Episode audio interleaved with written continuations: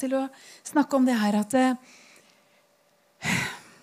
Hvordan elsker vi mennesker som ikke er så lett å elske? Så det gjelder ikke deg. Du er veldig lett å elske. Men jeg har gjort noen erfaringer på det. Jeg vet ikke hvordan du har hatt det i denne rare tiden. Eh, men du vet, det vi merker, er jo at vi savner hverandre. ikke sant? Vi savner å ha fellesskap, og jeg har takka Gud hver dag for at jeg har en stor familie å klemme på. Hva skulle jeg gjort liksom, når du ikke kan klemme menigheten lenger? Så eh, vi har klemma fælt. Vi er jo åtte i familien. Alle har kommet hjem omtrent. Vet du, fordi det er jo sånn vi skal være ved sånn egen ko... Hva heter det for noe? Hort? Ja, familie. Og det, og det, å ha alle hjemme det har vært helt fantastisk. Vi syns det har vært en sånn sabbatstid. vi. Så vi hører jo forskjellige rapporter vet du, om at uh, folk har hatt det vanskelig. Jeg har også vært vitne til mennesker som har flyttet fra hverandre. Og det er ganske mange tøffe ting, så vi skal virkelig se på Vi skal ikke liksom bare tenke at ja, dette er uh, Ja, uh, det er noen fordeler også. Det, det har det vært. Men det er en tøff tid for veldig, veldig mange. Noen syns det har vært helt utholdelig å skulle være hjemme med familien. Ikke sant? 24-7. Andre har eh, altså du vet, Det er jo når vi kommer tett på hverandre, at relasjonene begynner å gniste. Har du merka det? Ja, det er bare jeg som har merka det. Men i hvert fall hos oss, da. Vi er jo en pastorfamilie, så vi må liksom sant, eh, ta litt ansvar. Og det vanskeligste i vår familie det har vært det her å samle hele familien til bønn på morgenen. Ikke sant? Eh, fordi at hva skal jeg si, Når det er mange, så er det ulike behov. Og vi har tenåringer som trenger å sove etter langt utpå dagen. Jeg skjønner ikke. Men, men, eh, du vet det der å skulle være far i familien, vet du. Eh, det å ha prestetjeneste Han står opp tidlig. Altså, Ofte før meg også. Det er tidlig, da. Men, men liksom det der med å, å kjenne at det, å, vi må, vi må gå inn for Herren før vi gjør noe annet. Og vi hadde en sånn, eh, en av disse morgenene du vet når vi hadde blitt altså blitt enige om å stå opp litt før enn det vi liksom Vi hadde en sånn veldig sånn eh, kompromisstid da, å begynne å be på. Men så hadde vi stått opp litt før, og så kommer liksom en av barna litt sånn eh, Du vet, du kan se litt på holdningen at Er det bønn igjen, liksom? Ok, ikke sant? Her er jeg. Ja, jeg sier det, altså, vi, så sier mannen min da at det begynner å inspirere litt på det her med eh, Ja, det her å, å gå inn i Guds nærvær. Så må vi ha respekt for han. Så, og mannen min han har litt sånn, Du legger på en tier, og så begynner han å undervise. Han glemmer litt. ikke sant? Det bare ligger så lett for han. Så, så ser du på hele holdningen til han her ja, Nå røpte jeg det. Det var sønnen vår. Men det er helt greit. Han, eh, han står her, 15-åringen, og liksom tenker Bli ferdig, skal vi ikke snart begynne å be? Liksom, for det, Vi må jo ha en herlig stund her. Vi skal jo bare inn i Guds nærvær. Og vi skal gjøre det sammen. Og så sier jeg sånn forsiktig Jeg er den som liksom eh, letter på stemningen når ting er liksom litt trykkende. Og så sier jeg, vet du hva? Sånn er det. At, eh, at vi, vi, bruker altså, bruker livet på han ble, han, Jo, det var det jeg sa. Jeg forstår hvordan det er liksom, når du ikke er helt i, i modus for å be. Så liksom, eh, men nå er du jo likevel her, så nå kan du jo på en måte være med. Og så sier han ja, men det er ikke noe gøy. Liksom, jeg føler meg retta på. Liksom. Hver gang vi skal be, så er det et eller annet som kommer opp. At liksom ikke, enten er ikke holdningen bra, eller så jeg bare skjønner at det er et eller annet med meg. liksom. Og så kommer det fra seksåringen noen vise ord. Ja, men Lloyd, skjønner du ikke det? At eh, først så blir vi født, og så lever vi lenge, lenge, lenge, lenge, og så dør vi. Men hele den tiden der så øver vi på å være mer kjærlige, å være eh, snillere med hverandre og bli gode himmelborgere. Men det var ikke så langt fra sannheten, det. Så da fikk vi en god latter, og så tenkte vi ja, sannelig, det er jo det vi holder på med her. Så vi har hatt mange sånne erfaringer i familien vår at det jammen godt det kommer opp. Men det er litt ubehagelig, ikke sant? Og særlig det at eh, i vår familie så føler jeg at det er alltid som vi ber, liksom, at det kommer de der gnisningene. Det er litt sånn rart, det der. Jeg har opplevd det at oi, så mye vi har fått lov til å gå gjennom sammen. Eh, så mye mer glad i hverandre vi har blitt. Fordi vi har tatt noen av disse ja, disse tingene som, eh, som, vi trenger å snakke ut om. Og, og, du vet, det å få tenåringer i hus, det, det, kan være ganske tøft. For da begynner de med å oppdra deg. vet du. Altså Her har vi holdt på å oppdra de i mange år, og plutselig så får vi det tilbake igjen. Men det har vært spennende. Og ja, også, Det er ikke bare familien, men det er jo liksom eh, eh, Det er mange ting som har kommet opp. Jeg kan ikke liksom dele veldig sånn, eh, kanskje personlig nå, men jeg har hatt eh, flere runder på, med mennesker. Og det er kanskje det tøffeste eh, i mitt liv. Eh, jeg vet ikke om du er enig. Jo, du må være enig i det her. Fordi at de fleste problem som du har, er egentlig relatert til andre mennesker. Tenk på det. Altså Det at vaskemaskinen går, er ikke det verste. liksom. Eller at det skulle skje et eller annet med tingene dine. Men hvis det er noen du er glad i, som du liksom kommer på kant med, eller det er en misforståelse eller noe oppstår, er ikke det smertefullt? Det er jo da du bare merker at åh, jeg kunne bare vært foruten akkurat den vonde, vanskelige relasjonen her, så hadde livet vært perfekt. Ja. Så egentlig skal du være glad når, du, når du oppstår noen sånne gnister. Det er ikke så lett å se midt i situasjonen, selvfølgelig. Men, men du merker etterpå at oi, jeg ble styrka av det. Og gjennom livets løp så tenker man hadde jeg ikke vært gjennom alle de tøffe tinga, så hadde jeg ikke vært den jeg er i dag. Så vi skal faktisk være glad for at Herren arbeider med oss. Det er fordi han elsker oss. Og da vil jeg bare starte med å si at Jesus elsker deg akkurat som du er. Det er nesten verdt et lite halleluja. altså. Ja, For jeg har lurt på mange ganger Jesus, hvordan klarer du å elske meg nå? Virker, altså, nå er jeg så lite elskverdig.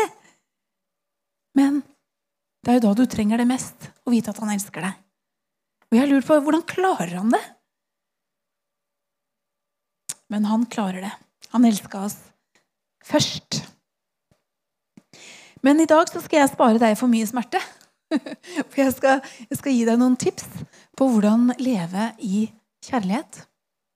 Gjennom hele denne tiden så har jeg tenkt om det hadde bare vært litt mer gnist, litt mer kjærlighet iblant oss, så hadde jo livet vært mye enklere i menigheten. Livet har vært enklere i vennekretsen din, øh, med naboene dine, kollegaene dine. Det er jo kjærlighet det er lekk på, er det ikke det? I hvert fall i mitt liv. Jeg, hadde, hadde, jeg bare kunnet liksom leve i kjærlighet, så hadde jeg jo ikke latt noen altså Ting hadde bare prella av. Men så er det jo sånn, da. Du tenker Hva i all verden er det med deg? Det er noe som jeg faktisk sier. Du klarer sikkert å holde det tilbake. Men jeg bare, det bare plumper ut av meg. Hva er det med deg, da? Så sier jeg. Og folk tenker det er ikke noe med meg. Det er deg det er noe med. Jeg tenker det helt sikkert, ikke sant? Men, men jeg tenker litt sånn Er det mulig? Og sånn tror jeg Gud kan tenke om oss noen ganger. Men det jeg har lært meg, er at de som har det vondt inni seg, de føler seg veldig miserable. Og det må jo komme ut på et eller annet vis. Altså, si at jeg har såra Grete, da. Og hun virkelig går og er opprørt over noe som jeg har gjort. Så vil jo det ligge der, ikke sant? helt latent. Altså, Det var veldig hypotetisk, for det skjer jo ikke at jeg sårer Grete. ikke sant? Men Hvis det skulle være et eller annet da, som hun bare kjenner åh, Da kan du plutselig finne på å ta det ut på deg. Uten at du har gjort noen ting. Er det ikke sånn? For det bare, det bare plumper ut. Og de det er lettest å ta det ut på, det er de som er mindre enn oss. vet du. Barna våre. Det er så lett å liksom åh, bli irritert. Og jeg underviser jo om hersketeknikker, så jeg blir jo tatt stadig vekk av barna mine. Så de sier jo det. Nei, mamma, nei, nå må du gi deg. Nå brukte du hersketeknikk nummer fem på meg. Det der går ikke an. Og det gjør man, vet du. Man må ydmyke seg og omvende seg. Men det her har hjulpet meg veldig de har det vondt. Og jeg har lært meg å si at eh, jeg tror ikke du mente å såre meg. Men du har det sikkert vondt. Og det åpner veldig fort opp og liksom bryter isen når noen liksom har eh, tråkka litt i salatene, og de vet de har oppført seg litt dårlig, kanskje. Og du klarer å se bakenfor det. Det er ikke så lett alltid. Men skal vi ikke prøve å nå inn til hverandre istedenfor bare sette opp en isfront? For det jeg har oppdaga, er at vi er jo forskjellige. Du er forskjellig fra meg, og jeg er forskjellig fra deg. Altså, Jeg er fra Østlandet, du er fra Skjønner du? Altså, Det er jo det er grunn nok. Jeg har tenkt på hvordan, hvordan takler dere vanskelige mennesker her i Lyngdal? Er det sånn at dere sier ifra til hverandre, eller? Eller bare tenker dere 'hva Er det med deg? Og så sier du ingenting. bare setter på smilet. Ja, det, det, kan du fortelle meg etterpå. Det er fint om noen kan komme og fortelle meg hvordan dere håndterer dette her. Men jeg tror det er ingen mennesker som liksom er vonde i seg selv. Jeg tror ingen våkner på morgenen og sier liksom ja, I dag så føler jeg veldig for å virkelig Jeg skal, gjøre livet surt for noen i dag, kjenner jeg. I dag skal jeg skikkelig dra på liksom, og gjøre en uh, kjip frokost. Jeg tror ikke det er sånn. Det er bare å gjøre opp. og hva som uh, Sønnen vår sa her nylig, det var uh, 20-åringen som liksom hadde en liten konfrontasjon med pappa. De er veldig like. Sier alt det, vet du. Og så hun liksom eh, tok tak i og liksom skulle oppdra han litt. da. Så nei, så plutselig så sier eh, mannen min da Nei, skal vi ikke bare være venner, Charlene? Jo, kanskje det. Kan du tilgi meg, pappa? og så reiser hun seg opp og, og gir hverandre en skikkelig klem. ikke sant? Og Guds nærvær kommer. og Det var ikke en stor ting, men det var liksom, åh, det var deilig å få rensa lufta. Og så sitter liksom 15-åringen og bare Det er det råeste. Den kjappeste omvendelsen. Bare syv sekunder tok det fra de fant ut at de skulle bli venner. liksom. ja, men det er, det, er, lærdom i sånt. Så vi må se at vi kan gjøre opp. Men jeg tror vår utfordring i møte med mennesker det er å tilgi noen som har såret deg dypt. Det er det vanskeligste i verden. Jeg skulle ønske at Jesus sa vet du, i, i ordet Elsk mennesker som er elskverdige. Men det var ikke det han sa. Var det vel? Han sa 'elsk dine fiender'. Og det var i en bønn her eh, en morgen hvor Blessing, seksåringen, hun sa det at Hva er det med dere? Skal vi begynne å elske Det er ikke så lett å forstå alt dette her. Nei, det er mennesker vi snakker om, selvfølgelig. Han vil alltid være vår fiende. Men det første jeg kan hjelpe deg med, er be denne bønnen Hjelp meg, Herre, å tro det beste om denne personen. Hjelp meg å få ditt perspektiv på tingene. Hjelp meg å se denne personen innenfra, ikke bare det jeg liksom ser på utsiden. Hjelp meg, Herre. Er det ikke sånn at vi er nærmest våre egne saker og egne følelser, så vi ser oss selv best?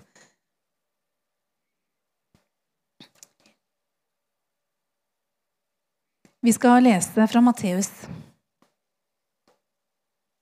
jeg liker når, eh, når Herren selv taler, vet du, da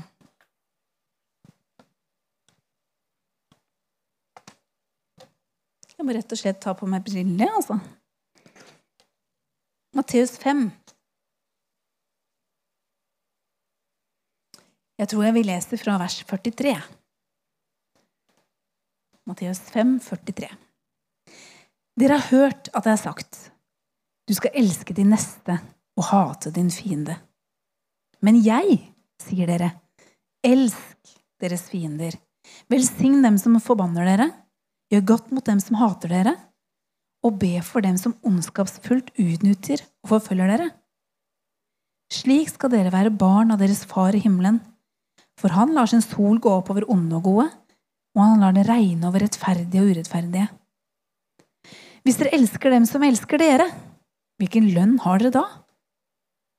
Gjør ikke til og med tollerne det samme?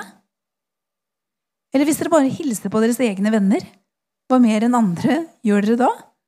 Gjør ikke til og med tollerne det samme?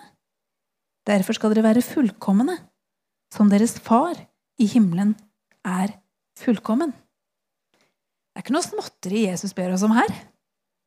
Jeg vet ikke om du har tenkt det her, men jeg har stadig tenkt ja, men hallo, jeg er jo ikke Jesus heller. Det er bare meg. Men vær da fullkomne, slik som far er fullkommen. Og det står jo noe også om at vi kan eh, søke å bli fullkomne i kjærligheten.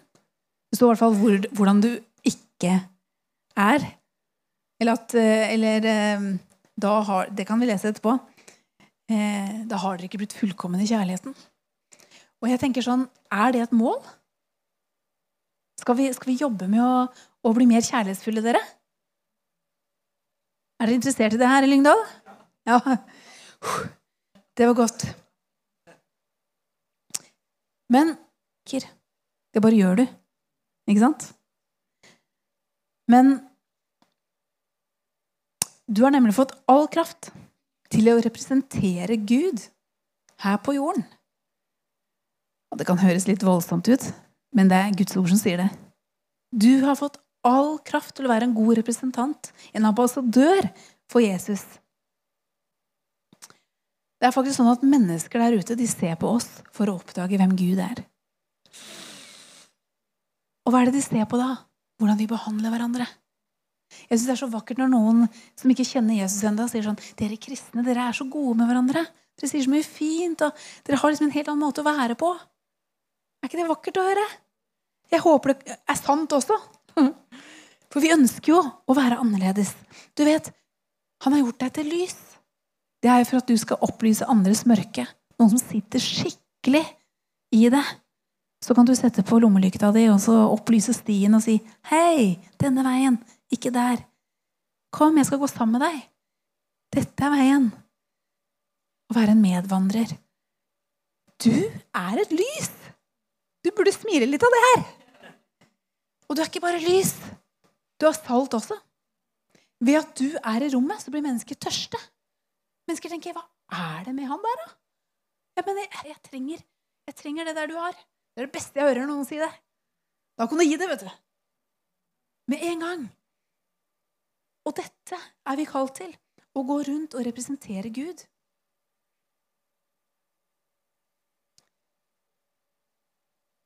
Og jeg tenker på Nå er det vanskelig å tilgi. Det kan være kjempevanskelig. Men Gud har aldri bedt oss om å tilgi noe som ikke han har tilgitt oss. Jeg tror jeg må si det igjen. jeg. Gud har aldri bedt deg om å tilgi noe som ikke du allerede er tilgitt for. Tenk litt på det. Det har hjulpet meg så mye når jeg syns noen oppfører seg rart. Og jeg synes liksom, det er helt urimelige. Og så er det sånn at Den hellige ånd bare minner meg på Husker du da du var urimelig? Ja. Husker du hvordan du ble tilgitt? Eh, ja. Det hjelper meg. Å bli minna om at jeg har også vært der.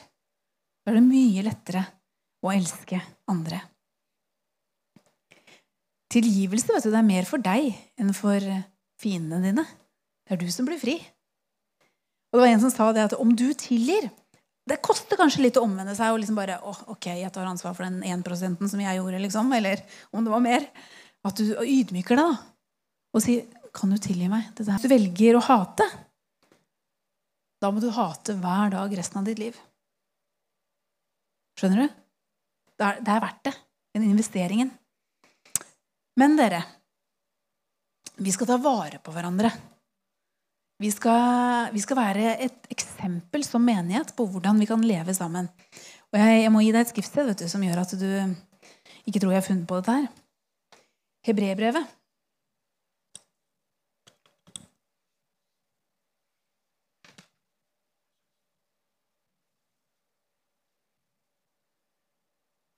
I Hebrebrevet 12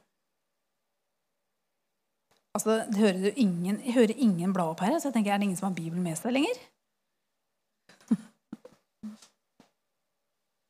jo, det var, noe, det, var, det var godt å høre. Det fins bibler fortsatt.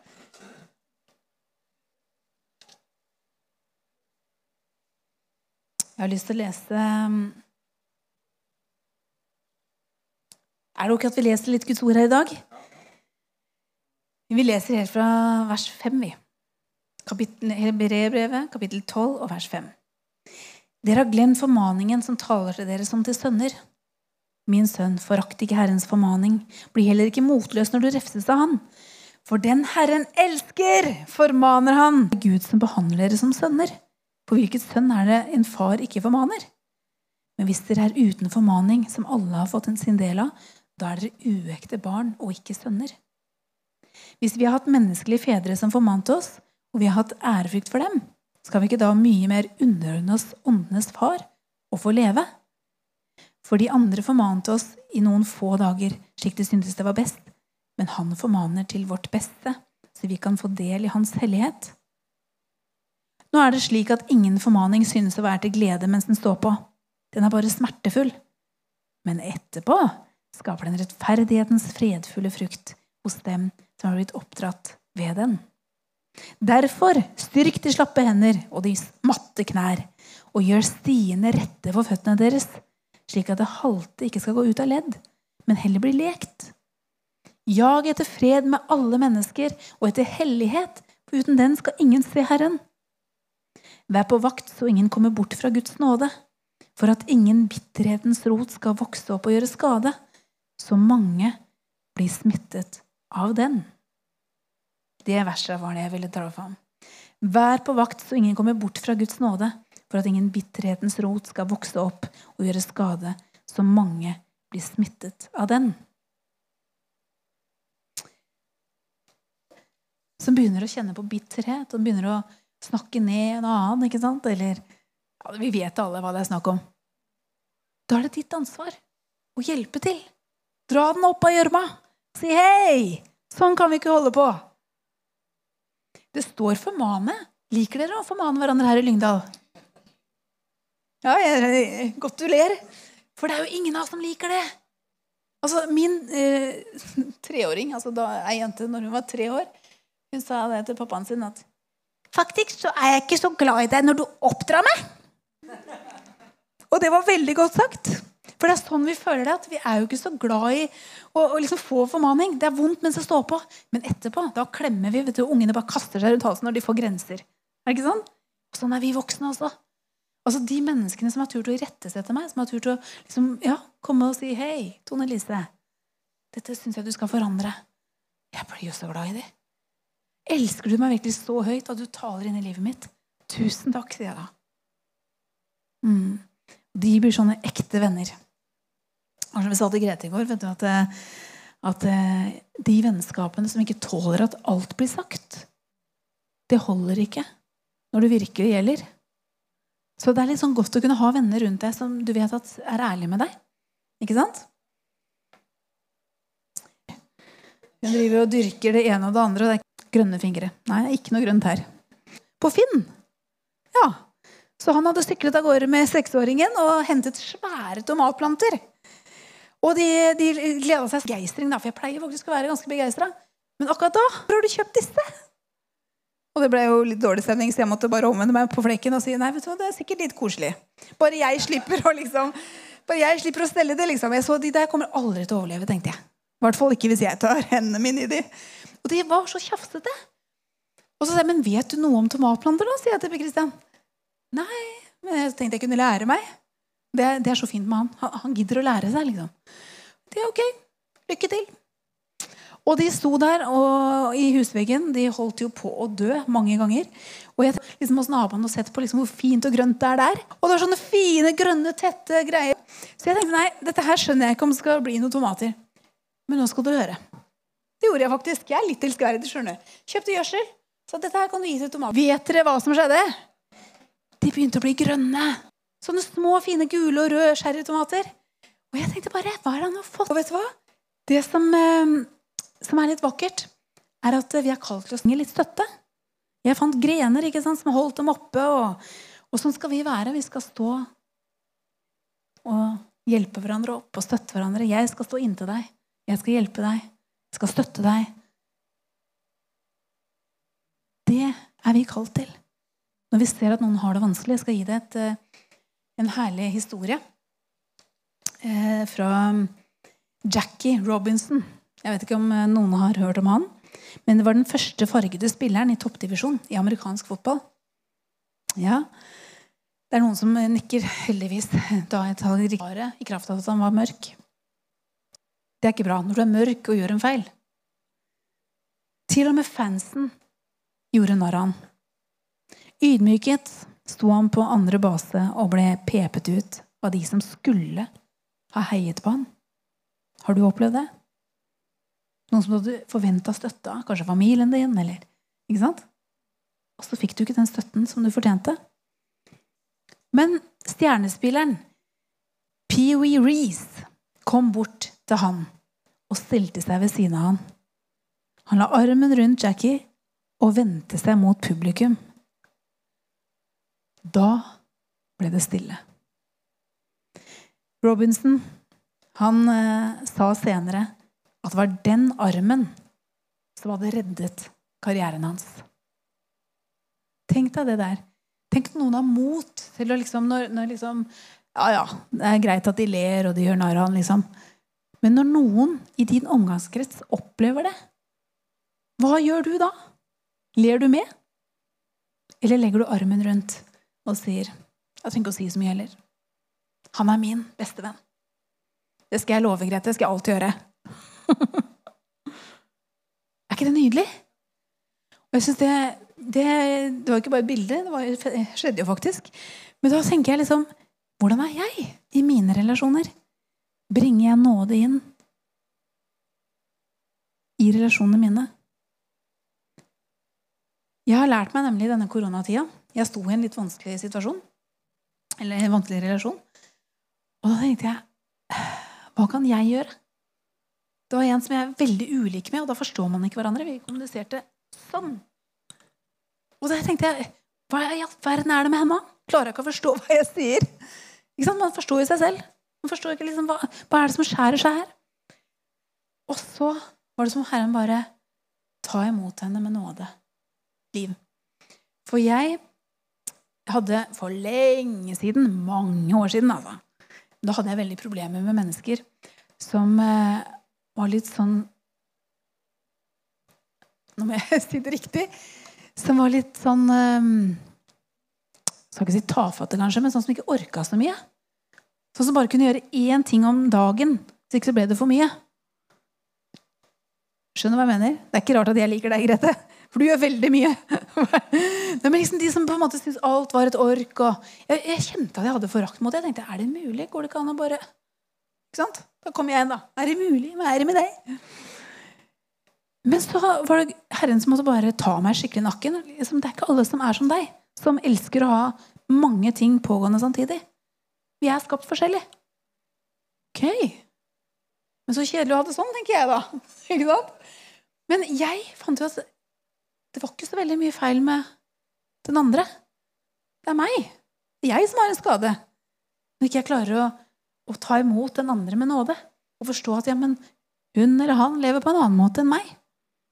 Vi tror liksom at det, den måten jeg gjør det på, er det riktige. Det er liksom det som funker, og det er det som gjelder. Nei, jeg måtte omvende meg. Og Herren er nådig, vet du. Er det ikke bra? Johannes brev. Oi, som jeg elsker det. Oi, oi, oi.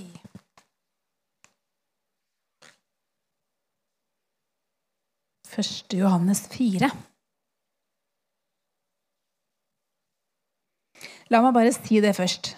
At uh, jeg tror egentlig ikke folk kan være ekte kristne hvis ikke de har forstått hva Guds kjærlighet er. Det er det det handler om. Vi, vi, kan ikke komme utenom kjærligheten hvis vi er en brennende kristen. Kan vi vel? Altså, Du kan ha så mange fiskemerker på bilen din eller kors rundt halsen. Du kan ha så mye eh, signaler på at du er kristen, men det hjelper ingenting uten kjærligheten. til i hvert fall første Korinterbrev 13. Ikke sant? Så, så det, å, det, å, få tak i det her er livsviktig. Jeg vil bare minne om det. Kjenner du ikke kjærligheten, så kjenner du ikke meg, sier Herren. Vi skal lese fra, eh, fra 1. Johannes brev, kapittel 4, vers 7-8. Elskede. Det er deg, det. La oss elske hverandre, for kjærligheten er av Gud. Og hver den som elsker, er født av Gud og kjenner Gud. Den som ikke elsker, kjenner ikke Gud, for Gud er kjærlighet. Hei, la oss stoppe litt der. Gud er kjærlighet. Og vi skal ligne på Gud. Ergo vi må leve i kjærlighet.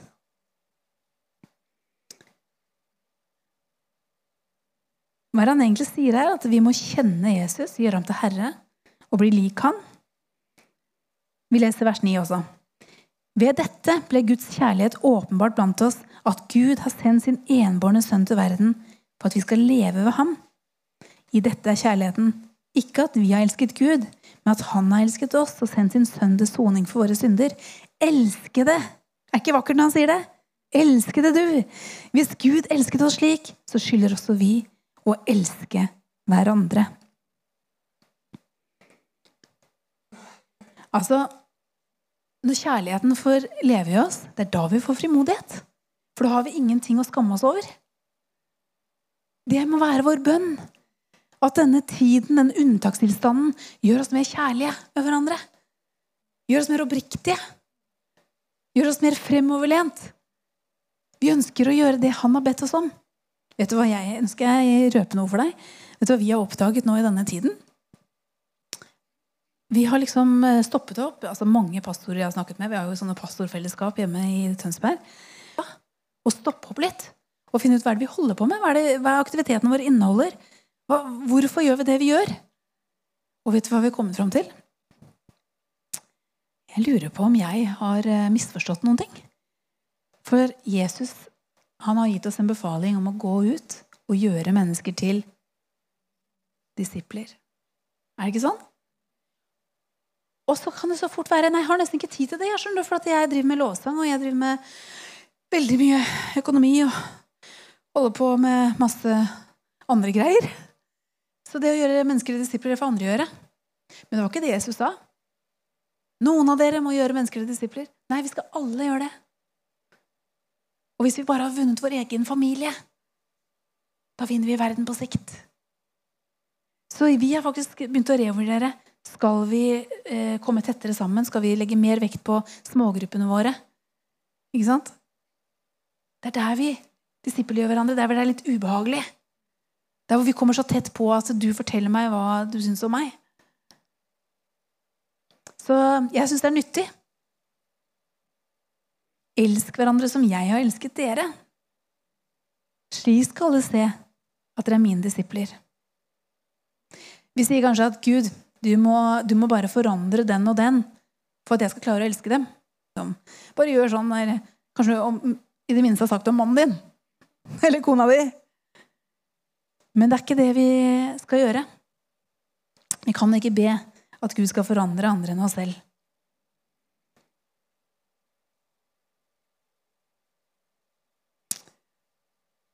Åh, jeg, jeg må si jeg Jeg må spørre meg selv De personene som du skulle mislike, er de virkelig så ille, da? Eller er det kanskje meg det er noe feil med? Dere vet dette når Jesus sier at forlisen i din eh, brors øye, så er du ikke var telefonstolpen i ditt eget. Var det noe sånt han sa? ikke sant? Hvis det sto to personer her, ikke sant? hvor jeg står med en telefonstolpe, og du står med en tannpirker i øyet, så skal jeg stå og rettesette deg med den lille tannpirkeren. Du ser at det hadde blitt litt dumt. Da kunne du sagt til meg at vær så snill å ta ut den telefonstolpen, så kanskje du ser litt klarere hvem som har feil her. Fordi at vi ser jo bare andres feil. Det er ikke så lett å se det som jeg måtte gjort mot andre. Så dette er bare en liten oppfordring til deg. At eh, Bruk litt tid på å be for medmenneskene dine, vennene dine, menigheten din. Bruk litt tid å investere på Hvis du har en litt sånn kinkig relasjon, så tenk mm, biten som vi kanskje har tulla til. Da. For sånn er det i hvert fall med meg. Når noen eh, sårer meg, så blir jeg litt sånn beskytter, beskytter jeg meg selv, og så gjør jeg mye dumt og sier mye dumt. Da blir jeg liksom ikke helt meg selv. Hvis jeg vet at noen ikke liker meg, så blir jeg litt rar. det er bare sånn det er. Så Derfor er det mye bedre å se på seg selv først.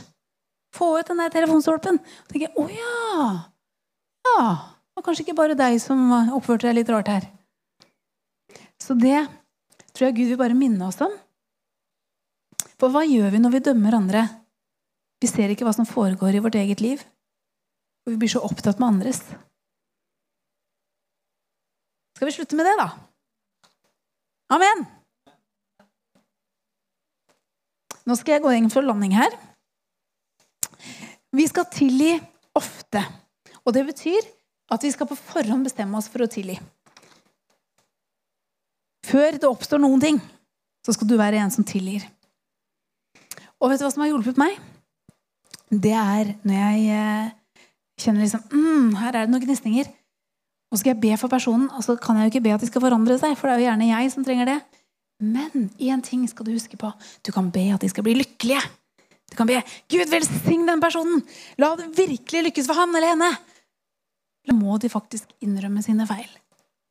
Da må de komme til sakens kjerne og omvende seg. Det er egentlig det du ber om da. Da blir de lykkelige. Da blir du fri.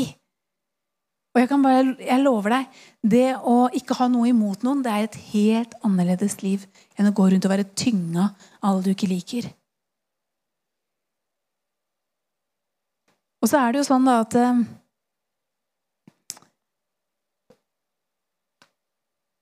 Ha mot til å konfrontere. Si det istedenfor å gå og irritere deg.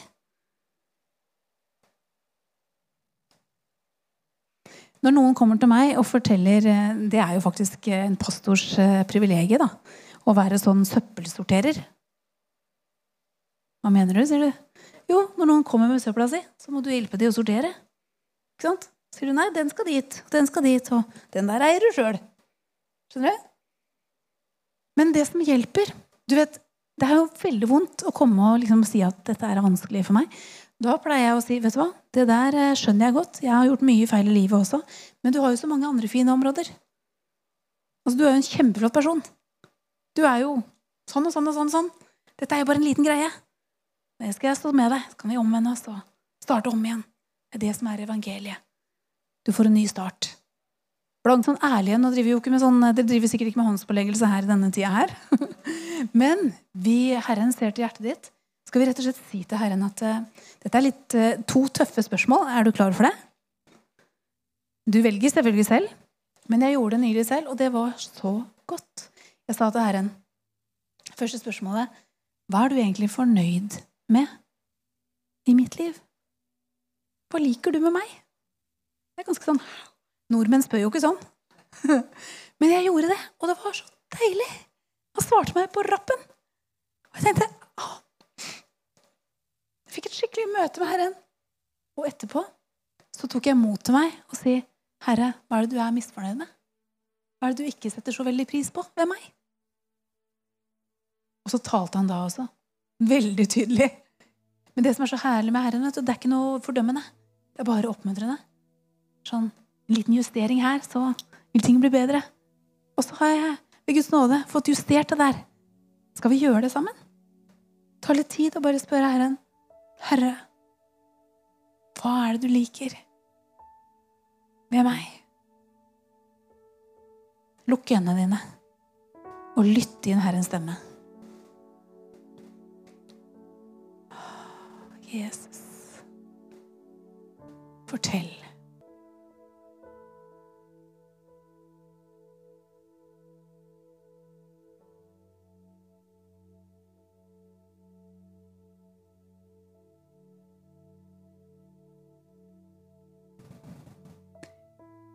Jeg tipper han har talt til deg.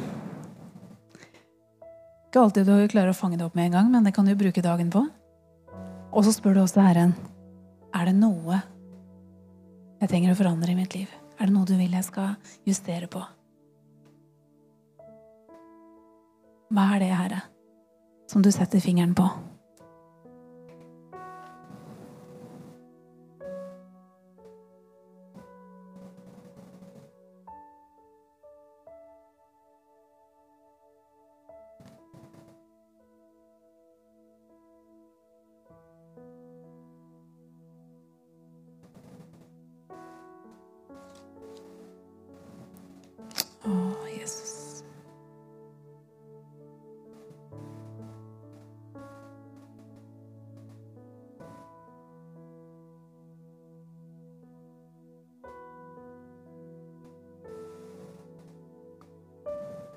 Takker deg, far, for at du holder oss oppe. Du stiller deg tett inntil oss og styrker og støtter oss. Og du har eh, befalt oss å holde ut med hverandre. Du har sagt at vi skal ikke knekke sammen. Jeg binder meg fast til deg. Min styrke er din, sier du. Jeg tar imot din styrke i dag, Herre.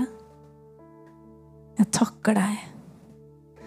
Jeg ber i Jesu navn at vi skal ta mer ansvar for hverandre, ha omsorg for hverandre. Og passe på at ingen går glipp av din nåde, Herre. Gjør oss oppmerksomme på det, så vi kan møte hverandre med nåde og elske hverandre sånn som du har elsket oss.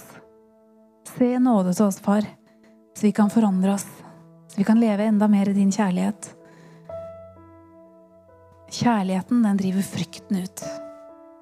Hjelp oss, Herre, å elske hverandre.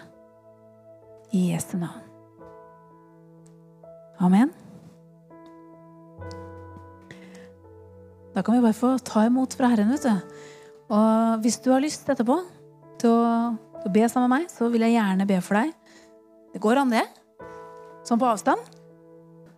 Men, eh, men Gud er her. Og Gud han er den som eh, opererer vet du, og, og hjelper oss. Så bare sitt litt i Herrens nærvær. Tilbe Han. Så lar du Herren